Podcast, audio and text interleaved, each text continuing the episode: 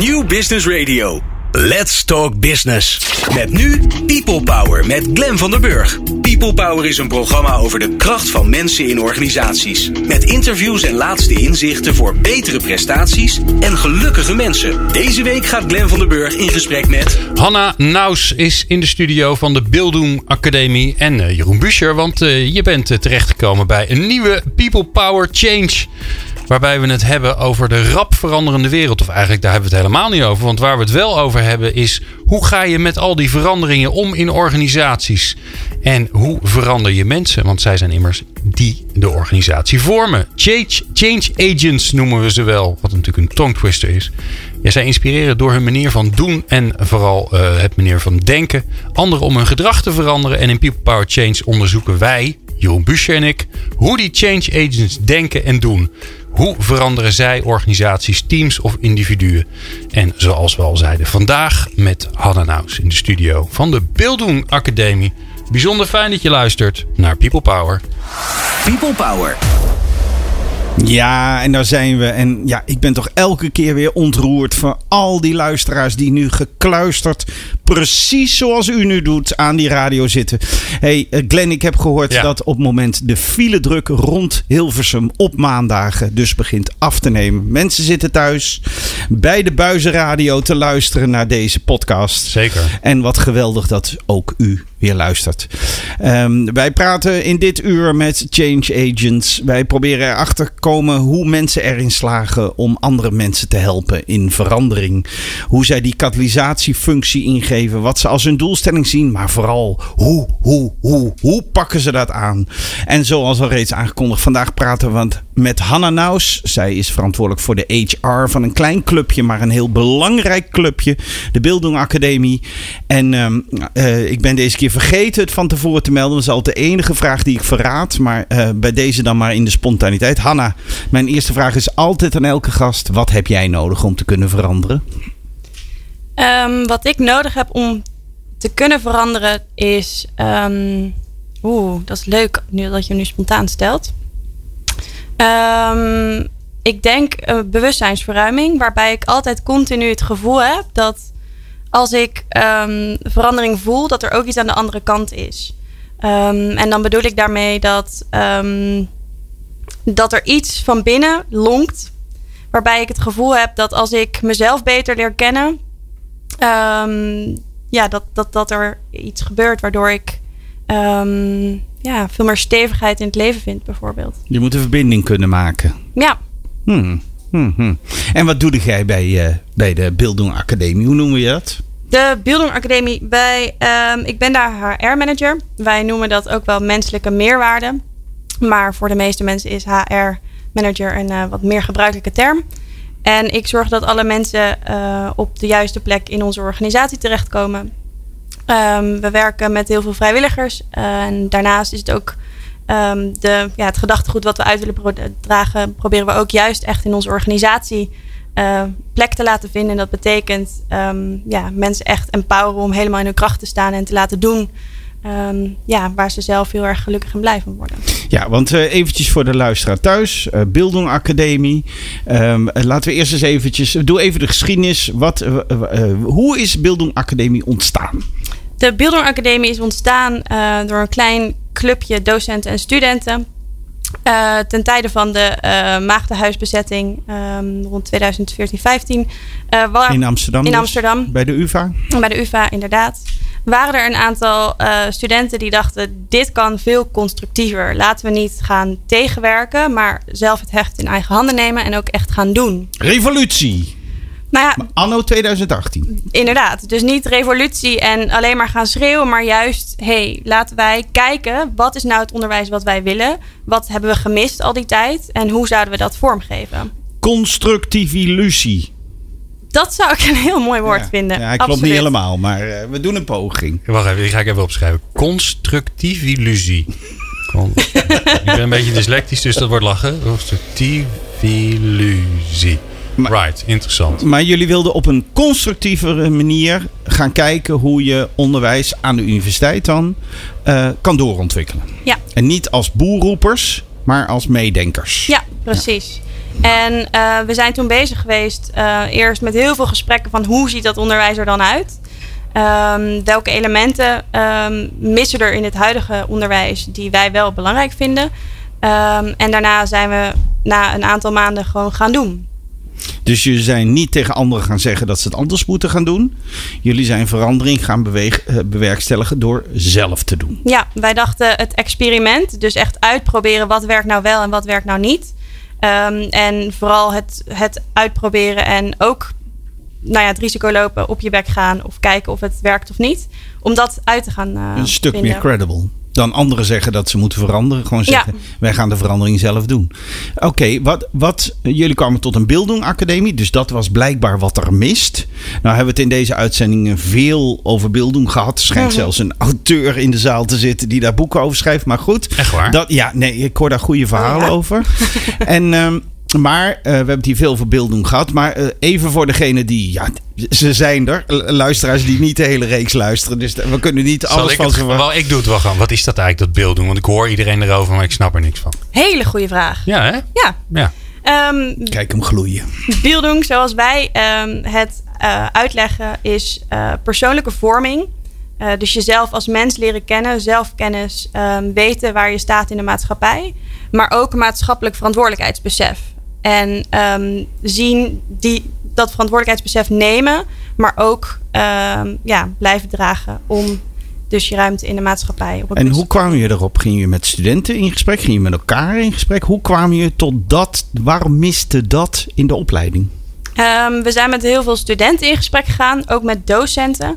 En eigenlijk door al die gesprekken kwamen erop dat deze uh, twee pijlers uh, vooral misten. En toen was dat woord beelddoen, die vatten het eens, ineens allemaal samen. Dat is een ouderwetse term, 19e-eeuwse term. Het is inderdaad een ouderwetse term, afkomstig uit Duitsland van Humboldt. Um, en wij vonden dit de lading dekken. Ja. ja. Oké, okay, en dan zeg je, weet je wat wij gaan doen? Want je begint, neem ik aan, op de UvA. Wij gaan het onderwijs veranderen. En dat gaan we niet doen door boete roepen. Het is trouwens wel een mooi voorbeeld voor veel mensen in de organisaties. Realiseer ik me gelijk geweldig. Mhm. Mm -hmm. niet, niet de manager moet niet gaan zeggen dat anderen het anders moeten gaan doen. We gaan het gewoon, ik ga het anders doen. Maar goed, dit terzijde. Um, um, en jullie zeggen, er moet beelddoen komen. En wat ga je dan doen? Nou ja, wij hebben dus eerst um, uh, een, echt een onderwijsprogramma geschreven. Dat betekent dat er verschillende uh, groepen aan de slag zijn gegaan. Bouwteams noemen wij dat. Dat waren um, studenten en docenten die vrijwillig op dat moment deelnamen aan een team. En dus modules zijn gaan ontwikkelen. Wij, wij noemen dat vakken, modules. Die gaan over hedendaagse vraagstukken. Zoals digitalisering, identiteit, kunst, religie, spiritualiteit. En zo zijn er verschillende thema's uitgediept. En op die beelding manier, dus vanuit persoonsvorming, maar ook vanuit maatschap, maatschappelijk oogpunt. Dus wat is er nodig op gebied van die thema's om die vakken dus echt vorm te geven. En wat is er verschil tussen een beeldingmodule en een, en een module filosoferen en debatteren? Um, in mijn beleving is filosoferen en debatteren nog steeds heel veel um, over het intellectuele, dus echt kennis, bezig zijn uh, met je hoofd. Waar wij mensen toe willen uitdagen, uh, is niet alleen bezig zijn met kennis, maar dus ook um, met hun handen. Dus zij, uh, als je het bijvoorbeeld over identiteit hebt, Um, zijn er studenten geweest die zijn naar een zweethut gegaan en hebben bijvoorbeeld in een zweethut uh, hun eigen identiteit overdacht.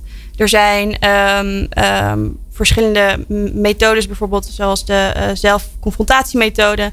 Dus door echt te kijken naar hey, wat is mijn identiteit, maar ook in gesprek gaan met mensen op straat van hey, uh, wat is identiteit? En kom je ook wel eens een identiteitscrisis tegen. Dus het onderwerp juist van heel veel verschillende kanten belichten. Um, niet alleen maar vanuit kennis, maar juist heel erg door ervaring. Um, en dus niet alleen hoofd, maar ook vanuit het hart en handen. Maar we zijn op de universiteit. Ik Ja. denk dat niet iedereen gaat juichen. Um, Zweverij. waarom is het zweverig? Ik denk juist niet. Ik denk dat voor mij in ieder geval, en ik denk dat veel mensen met mij um, juist kennis ook heel vaak zweverig vinden. Want je het leert drie jaar allemaal kennis over een vak. In mijn geval was, waren dat allemaal sociale theorieën uit sociale wetenschappen. En daarna was ik klaar. En het zweefde zo erg, want ik wist wel allemaal theorieën, maar ik wist niet wat ik ermee moest doen. En om juist te kijken van, hé, hey, hoe kunnen theorieën toepassing vinden in het dagelijks leven, in mijn referentiekader als mens, um, wordt het juist stukken concreter. hoe ben jij veranderd? Want je bent, je bent producent, maar je bent, neem ik aan, dan ook consument. Als je het doet, dan moet je doen. Ik neem aan dat je zelf modules hebt meegedaan. Heeft het jou veranderd? Um, ja, uh, de Beelding Academie heeft mij zeker weten veranderd. Um, er zijn veel uh, elementen vanuit het, ons onderwijs. Dus het experimenteren, het gewoon durven doen, uh, op je bek durven gaan. Um, het uh, contrapunt is ook een belangrijk element in ons onderwijs. Dat gebruik ik heel veel in mijn eigen leven door mezelf continu te spiegelen en steeds te kijken van hé, hey, waar wil ik me naartoe ontwikkelen? En als ik steeds in een bepaalde denkrichting zit, is er dan niet juist ook iets anders wat me verder kan helpen? Um, en wat mij heel erg helpt, is het juist um, samenwerken, dus met andere gelijkgestemden, um, die ik bij de Bionor Academie heb gevonden. Dat heeft mij heel erg gesterkt in het volgen van mijn eigen visie en idealen. Oké, okay. waar ik het straks met je over wil hebben. We hebben hier ooit Academy gehad. -hmm. Die uh, werken ook met je uh, beelding. Alleen ja, een HBO-organisatie. Ja. Jullie kennen ze ook. Absoluut. Ik wil het met jou vraag, graag hebben over dat het niet gaat over onderwijsverandering. Maar dat het volgens mij gaat over een maatschappelijke verandering. Volgens mij reikt het veel verder dan alleen de persoonlijke ontwikkeling Helemaal van, van dolende ja. studentjes. Om het even zo plat mogelijk te slaan. Maar reikt het veel verder en proberen jullie dat ook in jullie aanpak Absoluut. duidelijk te maken. En dat hoort u allemaal na het volgende. People Power. Inspirerende gesprekken over de kracht van mensen in organisaties. Leuk dat je terug bent. En wij praten nog steeds met Hanna Naus. Ze is verantwoordelijk voor HR, HR binnen de Bildung Academie. Maar dit is niet traditioneel HR. Dit gaat over de ontwikkeling, het mooier helpen maken van mensen. We hebben het uh, zojuist gehad over wat Bildung is, waar het vandaan komt. Uh, we zitten op de UvA. Er is een clubje enthousiaste docenten en studenten en die hebben een nieuw idee. Onderwijs moet veranderen. We gaan Bildung bedenken. Nou, we gaan niet heel diep in van wat is Bildung nou. Maar het is volgens mij veel meer geworden. Want ik ken jullie een beetje op bijzondere wijze. En jullie zijn meer en meer je ook aan organisaties aan te richten, andere onderwijsinstellingen. Waarom is Bildung meer dan een speeltje van intellectuelen van de universiteit?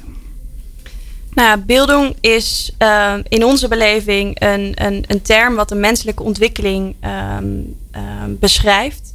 Waar we uh, vandaag de dag in onze beleving behoefte aan hebben.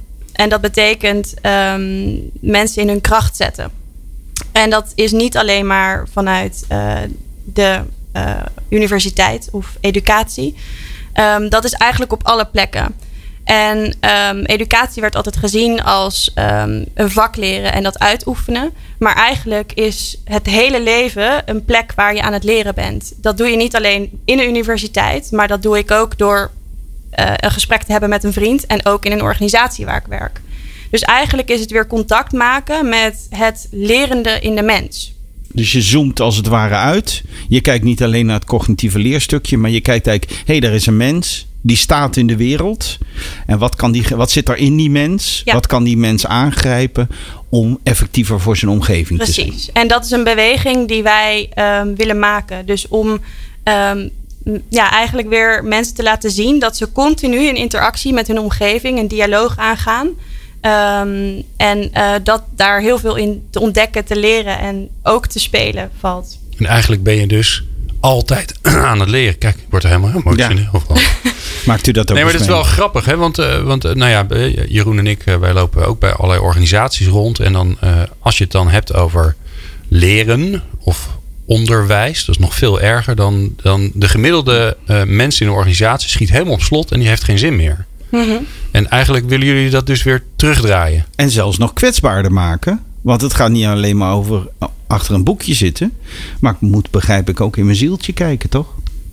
Ja, ik denk dus dat um, um, je werk kunnen doen echt vanuit um, wie je in wezen in essentie bent. Dus echt kunnen uitoefenen waarvan jij denkt: dit is gewoon wat ik in het leven wil doen. En dat kan zijn dat je iets voor jezelf doet, maar dat kan ook een bijdrage leveren aan een organisatie. Dat dat uh, uiteindelijk mensen veel blijer en gelukkiger maakt. En dan komt nu de cruxvraag van de hele uitzending. Hoe doe je dat? Ik voelde hem aankomen. Ik voelde hem ook al aankomen. Um, heel praktisch gezien um, denken wij wel dat het um, voor veel jonge mensen begint bij onderwijs. dat is dus waar wij een jaarprogramma hebben uh, en avondbeelding. Dus om echt in het onderwijs met dat soort vraagstukken bezig te zijn. Um, maar wij proberen ook om um, bijvoorbeeld in onderwijsinstellingen of in organisaties um, weer dat lerende element terug te krijgen. en dan vooral het leren in die brede context. Dus en zoals, hoe doe je dat dan? Zoals jij dus net zei, niet het cognitieve. Ja. Uh, hoe wij dat doen is um, enerzijds door gebruik te maken van uh, veel reflectieoefeningen. Door mensen met elkaar in gesprek te laten gaan. Door um, nou ja, heel praktisch in het onderwijs hebben ze bijvoorbeeld een, uh, een logboek waar ze van alles opschrijven. er zijn methodes bij het onderwijs waarin we bijvoorbeeld zoals met Deep Democracy ze eigenlijk continu willen laten reflecteren over de delen in henzelf. Die ze uh, nog niet gezien of niet erkend hebben. Nou, eigenlijk uh, wat je biedt, als ik het mag verwoorden, is uiteindelijk werkvormen, contexten, waarin mensen zelf op zoek kunnen gaan. Ja. Je, je reikt geen kennis aan, -hmm. maar je reikt een, een, een werkmethode aan. Waarin ik de kans krijg om onderzoek te gaan doen. En dat liefst nog in een groep. Ja, en um, ik, sterker nog, ik zou het willen zeggen niet werkmethode, maar uh, we willen het uh, eigenlijk een, een, context aanbieden. Dat is ook hoe we onszelf zien. We zien onszelf als een stimulerende en faciliterende context um, in ons onderwijs. Maar die context proberen we dus ook naar organisaties en onderwijsinstellingen te brengen. En die context is eigenlijk een kader van een aantal uh, basisprincipes. waar we inderdaad dat onderzoek en dat lerende principe willen vergroten, versterken. Tring, tring. Uh, telefoon voor uh, mevrouw Naus. -hmm. u spreekt met de Rabobank. We hebben een schitterende prijs vandaag gewonnen. Wij zijn de oplichter van het jaar geworden. en wij, wij willen vormgeven aan een idealistische doelstelling. We willen de wereld mooier maken. Maar we worden natuurlijk eerst niet begrepen door de media. Hè, want we geven ook geld aan, aan stoute boeren. Uh, maar uiteindelijk willen we ook onze verantwoordelijkheid pakken. En wij denken dat onze organisatie, en dat wil zeggen al onze mensen, integraler moeten nadenken over wat is eigenlijk toegevoegde waarde in het leven. Hè? Het zou mooi bij de propositie van de Rabobank passen, doen. Ja. Wat ga je dan doen? Um, nou ja, de manier hoe wij onze organisatie hebben ingericht is voor ons ook de context waarin we vaak um, naar kijken naar andere organisaties. En het begint in mijn beleving bij uh, vertrouwen, dus vertrouwen geven. Um, wij uh, doen dat aan onze studenten in onze programma's, aan onze medewerkers binnen de Beeldern Academie. Hoe dan? En Hoe geef je vertrouwen? Dat betekent dat we um, er eigenlijk van uitgaan dat de personen die bij ons onderwijs komen volgen, verantwoordelijkheid nemen voor hun eigen ontwikkeling, maar ook voor de dingen die ze moeten doen. Dus ze creëren mee. Precies. Um, dus in, dat betekent in ons onderwijs. Um, uh, wij geven kaders, uh, maar studenten zijn voor de helft verantwoordelijk voor hun eigen onderwijs. Dus het is 50-50. Uh, in een organisatie zou het betekenen dat bijvoorbeeld een manager um, echt vertrouwen heeft dat iemand verantwoordelijkheid neemt voor zijn activiteiten, voor zijn werkzaamheden. Dus je zet het balletje aan het rollen, maar de mensen in de organisatie moeten net zo hard meewerken om eigenlijk die contexten, zoals jij het noemt, Zeker. te helpen creëren. Ja, wij zijn niet personen die dan bij een organisatie komen en zeggen: hey, we hebben hier een trajectje. Uh, contextje 1, 2, 3, 4, 5, Precies. 6, 7. Loop ze maar door. De module, we noemen het al de wasstraat, noem ik het. Gaan ja. we door de wasstraat en dan ben jij een ander mens. Ja, dat, in mijn beleving werkt dat niet. Uh, in mijn beleving gaat het juist over echt vanuit, wij noemen dat bottom-up, echt vanuit onderuit iets opbouwen. Maar dat wil zeggen dat je nog veel dieper verantwoordelijkheid. Want je wil niet alleen dat ik verantwoordelijkheid neem voor het feit dat ik leer. Mm -hmm.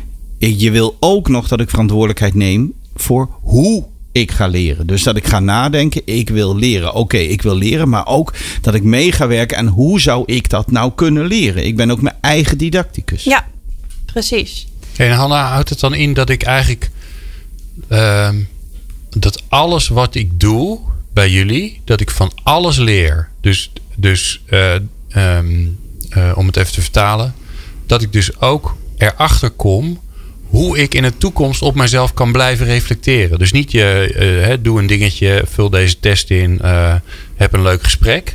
Ga maar, door je, de je, maar je stelt dus ook de vraag: Hoe zorg jij er nou voor dat je dit elke week of elke maand kunt doen, zodat je blijft leren? Als, en wat past er dan bij jou? Ja, als dat dus iemands uh, wens is, en dat is natuurlijk voor iedereen verschillend, dan zouden we die vraag zeker stellen. Um, ik kan voor niemand um, buiten mijzelf vertellen wat uh, goed is in die ontwikkeling van een ander persoon. Dus dat gaat echt over zelf naar binnen kijken en bedenken van hé, hey, um, ik zou het inderdaad belangrijk vinden om te blijven reflecteren op mijn leven. Um, wat heb ik nodig om dat in de komende maanden of in de komende jaren of in de rest van mijn leven te doen. Hm. En dan ga ik weer op de Neandertalerstoel zitten. Maar dat is mijn rol natuurlijk.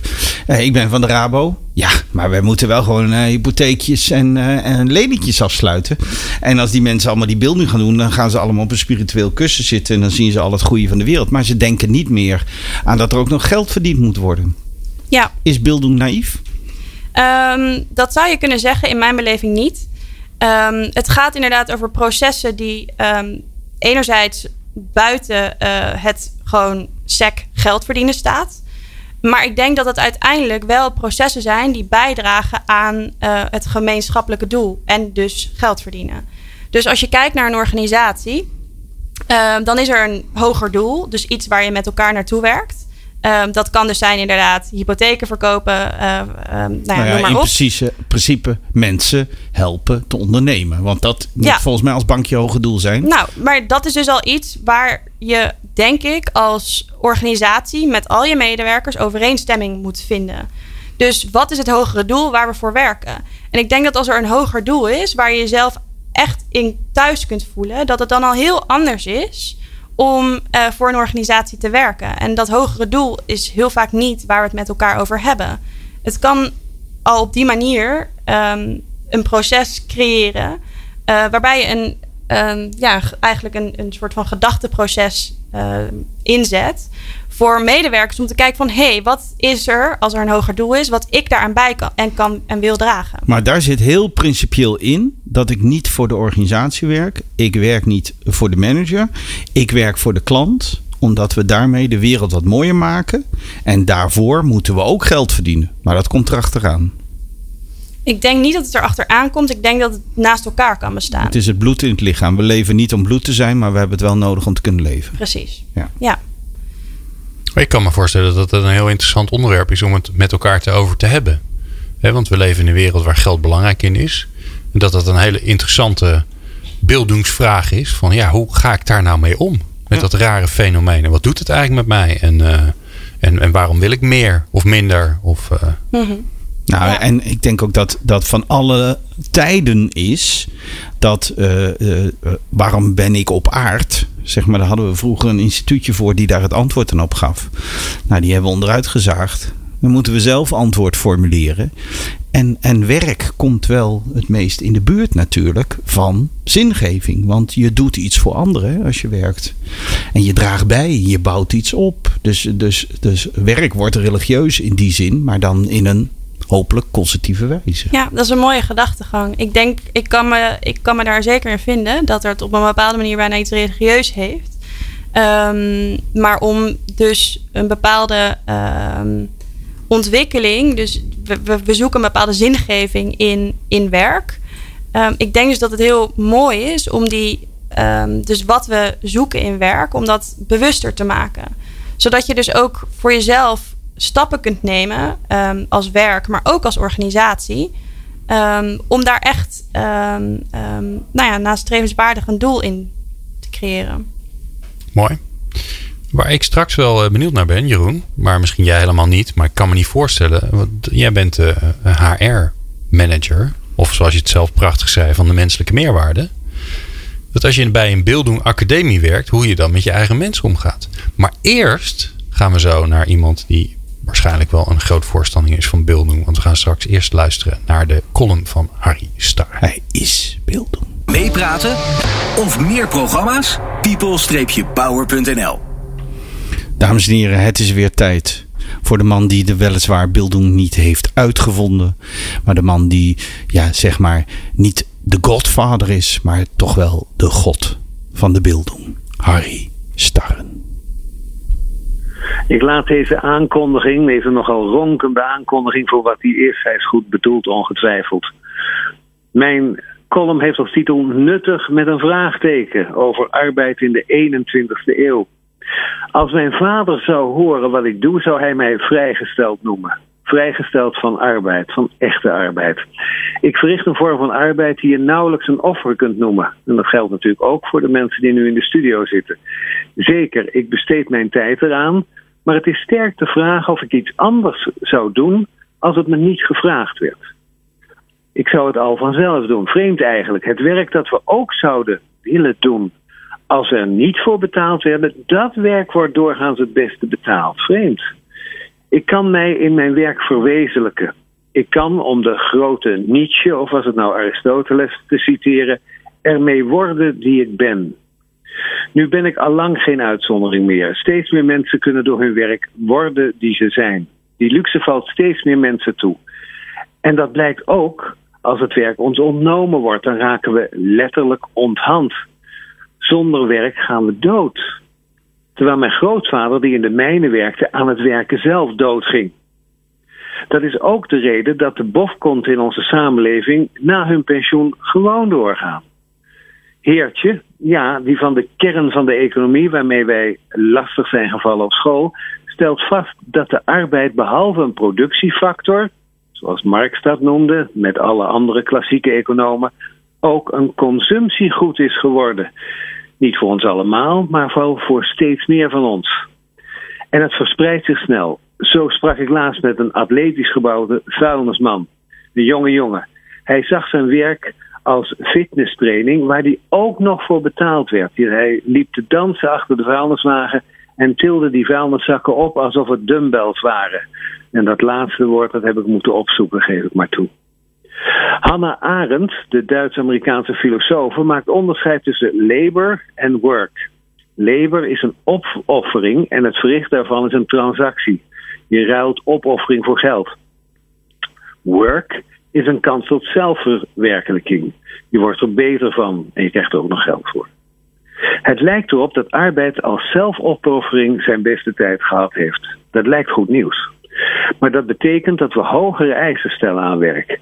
We willen er beter van worden. Betere mensen. De hoeveelheid van dat soort werk is beperkt nog. We zouden onszelf meer van dat soort werk moeten creëren. Dat vergt inventiviteit.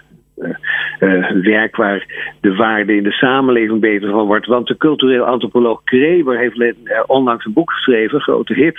En die stelt op basis van onderzoek dat tot 40% van het werk in het Westen dat zich al zinvol voordoet, eigenlijk bullshitbanen zijn. Flauwekul, gedoe, dikdoenerij, waarmee meer waarde wordt afgebroken dan opgebouwd. Het zijn mensen die thuiskomen, hondsmoe zijn, maar niet weten waarvan. En die zeggen: Ik ben meer je hebt meer dingen tegengegaan dan gecreëerd. Zo'n commissie bijvoorbeeld, of zo'n beleidsfunctie, waarin je eigenlijk anderen lastig valt die over hetzelfde uh, probleem gaan en dan naar huis gaan met het idee: waar diende dit nou allemaal voor? Dat zijn banen die er niet echt toe doen, maar zogenaamd zelfverwerkelijk zijn. Verwerkelijking zijn. Hè? Want je praat wat af en misschien leer je er ook nog van. Wij zijn inmiddels zo rijk in het Westen dat we ons dingen kunnen permitteren. We kunnen het best hebben, zoveel waarde afbreken, want we verdienen met elkaar kennelijk dan toch nog genoeg. Maar goed nieuws is het dus niet. De mensen die die bullshitbanen doen, die komen daar op enig moment achter en leven dan voortdurend in onbehagen. Het voelt gewoon niet goed. En dan wordt werk, dat werk leek te zijn, weer gewoon labor, een opoffering. En dat is meer dan alleen maar jammer. Dames en heren, Harry Starre, er klinkt applaus. People Power. Inspirerende gesprekken over de kracht van mensen in organisaties. Ja, je luistert nog steeds naar People Power Change. Wij hier met Glenn van den Burg. Mijn naam is Jeroen Buscher. En wij praten met Hanna Naus van de Bildung Academie. Zij is uh, ja, chef HR voor wat het is. Hoe brengen we de kracht in mensen open? Uh, die column van, van, van Harry hè? over, over uh, werken als zingeving. resoneert dat? Ja, zeker. Daar um, werd um, veel in benoemd wat ik heel erg herken. En uh, vooral het onderscheid wat hij maakte um, bij Hannah Arendt, dus labor en work, um, ja, dat uh, resoneerde zeker. Oké. Uh, we zijn bezig, want die universiteit, die zijn we aan het veranderen. We bieden die contexten aan. We nodigen mensen uit om die context, want die zijn geen readymates, die zijn half af om ze zelf af te maken, om die verantwoording te dragen. Dat, die programma's lopen, weet ik. Daar maken veel studenten gebruik van. Heel even voor het concrete. Dat betalen ze zelf? Wordt dat betaald? Hoe, hoe gaat dat? Uh, studenten uh, betalen dat op dit moment zelf. En uh, we zijn bezig om te kijken of we onze programma's ook kunnen accrediteren. Waardoor dus meer studenten bij ons ook terecht kunnen. Um, zodat het toegankelijk is. En, uh... Begrijpen de institutionele contexten dit? Snapt de universiteit dit? Snapt de inspectie dit? Um, ja, zeker. Uh, we zijn uh, ge, geaccrediteerd in de zin dat we een proefvisitatie hebben. Dus in principe ligt alles klaar om ook geaccrediteerd te worden. We hebben daar toen destijds niet voor gekozen, omdat wij het gevoel hadden dat we dan te veel van onze vrijheid moesten opgeven en echt in een hokje moesten passen. Um, dat heeft ons de afgelopen jaren echt de ruimte gegeven om zelf uh, te blijven experimenteren met onze vormen van onderwijs. Maar we zijn ook op verschillende plekken, zoals op de Vrije Universiteit in Amsterdam, maar ook op andere uh, onderwijsinstellingen bezig om vakken te ontwikkelen, minors te ontwikkelen en um, dat ook echt binnen ons gedachtegoed. Maar jullie veranderen ook de manier van didactiek, want het is niet ja. de professor die een monoloog houdt, het boek die vertelt hoe de wereld in elkaar zit, maar het is co-creatie. Ja. En, en, en dat zijpelt door. Daarin veranderen jullie al de universiteit en de inspectie? Um, ja, zeker. Um, een goed voorbeeld in ieder geval uh, op de Vrije Universiteit is dat daar dus echt bouwteams, zoals wij dat ook met ons eigen onderwijs hebben gehad, aan de slag zijn om dus uh, een, um, een uh, programma te ontwikkelen wat uiteindelijk over alle bachelors geïnstalleerd dient te worden. En dat dat dus gaat over persoonlijke vorming en maatschappelijke verantwoordelijkheid. en dat is, daar gebruiken we echt dezelfde methodes. Dus echt vanaf de grond af aan opbouwen met studenten en docenten. En dat werkt. Je vraagt eigenlijk van mensen een heel fundamentele verandering uh, ten opzichte van leren. Ik ben niet langer consument, Mhm. mm -hmm. maar ik ben uh, consument, eigenaar en producent van mijn eigen leren. Dat is, dat is volgens mij een heel andere kijk dan waar de 18-jarigen die op de universiteit komen heel veel medewerkers die in organisaties werken nog mee opgevoed zijn. Kijk, die worden door HR in de klassieke zin naar trainingen gestuurd omdat de baas denkt dat het goed voor ze is. Mm -hmm. En nu ineens vragen we aan mensen om niet alleen consument van het leermoment te zijn, uh, niet alleen om ook het eigenaarschap te vertonen om dat leren zelf te dragen, maar ook nog auteur te zijn van, uh, van je eigen leeromgeving. Hè? Je moet die context, die bouwteams moeten hun eigen contexten bouwen. Ja. Is dat een beetje te doen voor een mens, voor des mens? Of is dat alleen maar de chosen few? Um, nou ja, wij proberen dus ook wel echt om uh, die context te faciliteren. Dus dat er in ieder geval een ruimte is, een kader waarbinnen mensen dus vrij hun eigen leerproces kunnen onderzoeken. En, en dat is dan ook jullie meerwaarde? Dat jullie dat, ja, absoluut. Jullie richten het laboratorium in. Ik moet alleen zelf de proefjes doen. Ja, um, helemaal vrij. Alleen maar um, de consument, producent en auteur zijn over dat hele leerproces. Dat is inderdaad heel intensief. Um, dus wij proberen dus die kaders neer te zetten. En daarbinnen willen we dus wel inderdaad uh, verantwoordelijkheid en vrijheid, maar dus vooral het vertrouwen waar ik het over had, geven. Dat, dat um, studenten dat echt zelf willen doen en ook docenten. En dat gaat echt over een mindshift. Als ik kijk naar hoeveel studenten er bij ons vrijwillig zijn aangehaakt, maar nu ook bijvoorbeeld de uh, Vrije Universiteit, die die verandering zien en voelen en daaraan bij willen dragen. Ook al krijgen ze er helemaal niks voor, maar omdat ze dus die verandering echt ondersteunen, dat is echt onwijs bijzonder om te zien. En volgens mij is de kernwoord, want ik ga in dit programma altijd op zoek naar hoe verandert de change agent. En we praten eigenlijk, we praten met jou, maar jij verwoordt een beweging, hè? laten we wel zijn. Ja. De, de, de, de verandermethode is eigenaarschap. Dat valt mij op. Het is niet zij moeten veranderen, maar jullie roepen op op de barricades om zelf de verandering actief vorm te geven. Het is een, een, inderdaad een andere manier van revolutie. Ja. Zie ik dat goed? Dat zie je helemaal goed. Eigenaarschap is eigenlijk een heel belangrijk kernwoord voor de manier waarop wij werken, ons onderwijs uh, faciliteren, voorzien, maar ook inderdaad in organisaties bezig zijn. En um, dat betekent dus jezelf kennen en weten hoe je dat doet. Dus eigenaarschap neemt over alle processen die buiten jezelf plaatsvinden. En er komt heel veel op je af in een, in een samenleving die steeds complexer wordt, waarin heel veel verandering plaatsvindt. Maar hoe kun je dus al die dingen die veranderen om je heen, hoe kun je dus dat um, naar jezelf in je eigen referentiekader toetrekken? En dat geldt net zoveel voor die vuilnisophaler van Harry Starre. Absoluut. Als voor die intellectueel. Ja. Ja, het, het gaat over het zelf doen, hè? naar jezelf toe halen, eigen, eigenaarschap nemen. Jullie hebben dat zelf gedaan door te zeggen: Nou, weet je, we gaan laten zien hoe, het, hoe we het willen hebben. Kijk, maar daar moet je wel de ruimte voor krijgen. Hè? Want dat is toch ook waarom vaak er revolutie is, omdat het systeem niet mee wil. Loop je daar nou tegenaan? Zijn er mensen die tegengas geven, die zeggen: Wij willen dit niet? Want je zit op ons terrein, of je bent een bedreiging, of nou, noem maar op. Nou, er zijn zeker plekken waarbij um, we dat voelen. Uh, waarbij we dus nog niet helemaal in die, uh, ja, dat die mee kunnen in die verandering. Maar eigenlijk komen we op steeds meer plekken juist het tegenovergestelde tegen. Dus dat er wel uh, bereidheid is voor, voor verandering. En um, ik weet niet precies waarom dat is, maar ik heb het gevoel dat dat komt omdat heel veel mensen voelen, of dat we een punt hebben bereikt met elkaar, dat we echt merken van hé, hey, dit werkt niet meer. Maar wat dan anders? Weet je, wat is het nieuwe geluid of wat is een andere mogelijkheid? Is dat misschien, dan gaan we even filosoferen over verandering. Is dat misschien veranderen in 2018? Dat veranderen je niet meer associeert, want dat merk ik heel duidelijk, dat je het associeert aan weerstand. Want dat is in old school. Mhm. Verandering. Ah, weerstand moeten we overwinnen. Maar dat je eigenlijk zegt: nee, verandering gaat over welwillendheid. We zoeken die plek in de organisatie, die mensen in de maatschappij, in de wereld, die organisaties die welwillend ten opzichte van dit concept staan. En vanuit die kracht, vanuit dat enthousiasme gaan we vormgeven. En dan nemen we die anderen wel of niet mee. Maar we gaan niet meer de tegenstanders opzoeken.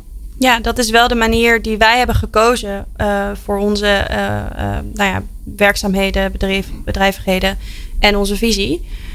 Um, want je kunt inderdaad blijven vechten tegen een systeem wat je niet wil. En ik denk dat heel veel mensen dat ook zullen herkennen. Um, vechten zit ook wel een beetje in onze aard, denk ik, als mens. Maar um, het is inderdaad, waar ik helemaal aan het begin over had, niet constructief. Um, en de constructieve manier is juist om mensen om je heen te verzamelen, waarbij je dat um, gelijkgestemde gevoel wel hebt. Waarbij je denkt, ja, deze mensen snappen me. Dit, die uh, voelen ook een beweging. En of de hele maatschappij ook meegaat of niet, dat, dat kan ik nog niet zeggen. Maar um, ik heb wel het gevoel dat er, dat er steeds meer mensen zijn die dit geluid, wat wij in ieder geval laten horen, snappen, begrijpen. En eigenlijk ook zelf willen uitdragen. Verandering door enthousiasme. Ja. Mooi. Um, als uh, zelfrelativering lijkt me een belangrijke les bij, uh, bij beelddoen. Hè?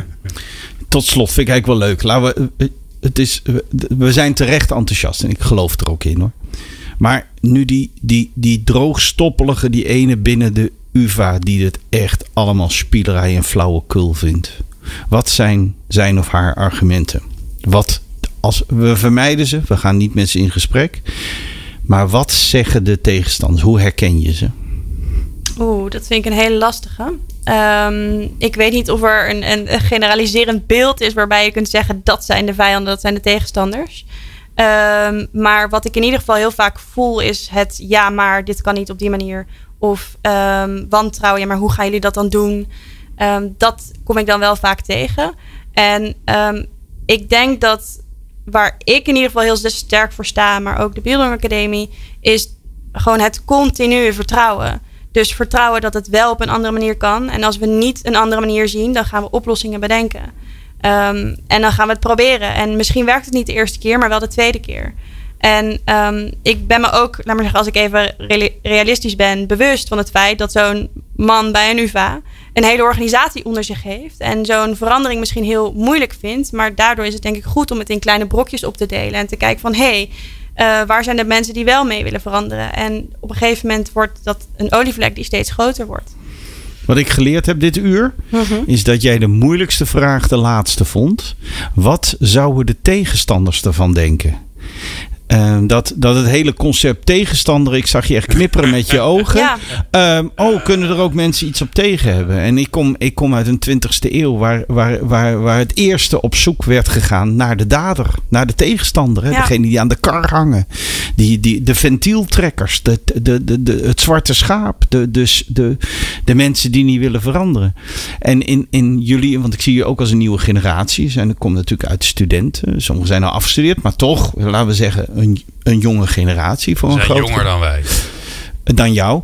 En ehm, ehm, het- dat, dat, dat, dat er een heel, heel nieuw denkframe is, wat niet meer polair denkt, maar echt synthetisch denkt. Ja. Alleen maar jij kan iets, ik kan iets. En welke schoonheid kunnen we samen creëren? En zo katalyseren jullie op verandering. Ja. Ik spreek mijn bewondering uit.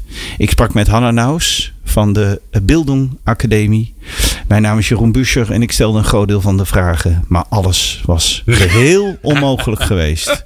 Zonder ja, u, u kijkt niet een uur lang in de stralenkrans. Hè, dat moet u weten. De onzichtbare U, hand. u, u voelt niet die vibraties, maar dit alles was niet mogelijk geweest Ja. door. Zonder de geweldig constructieve meewerking die ons toch als Bildung-god overal mee naartoe neemt. Dames en heren, Glenn van den Burg. Ja, dank Ja. jullie wel heren. Leuk om hier te zijn. Ja, superleuk Hanne dat je, dat je er was.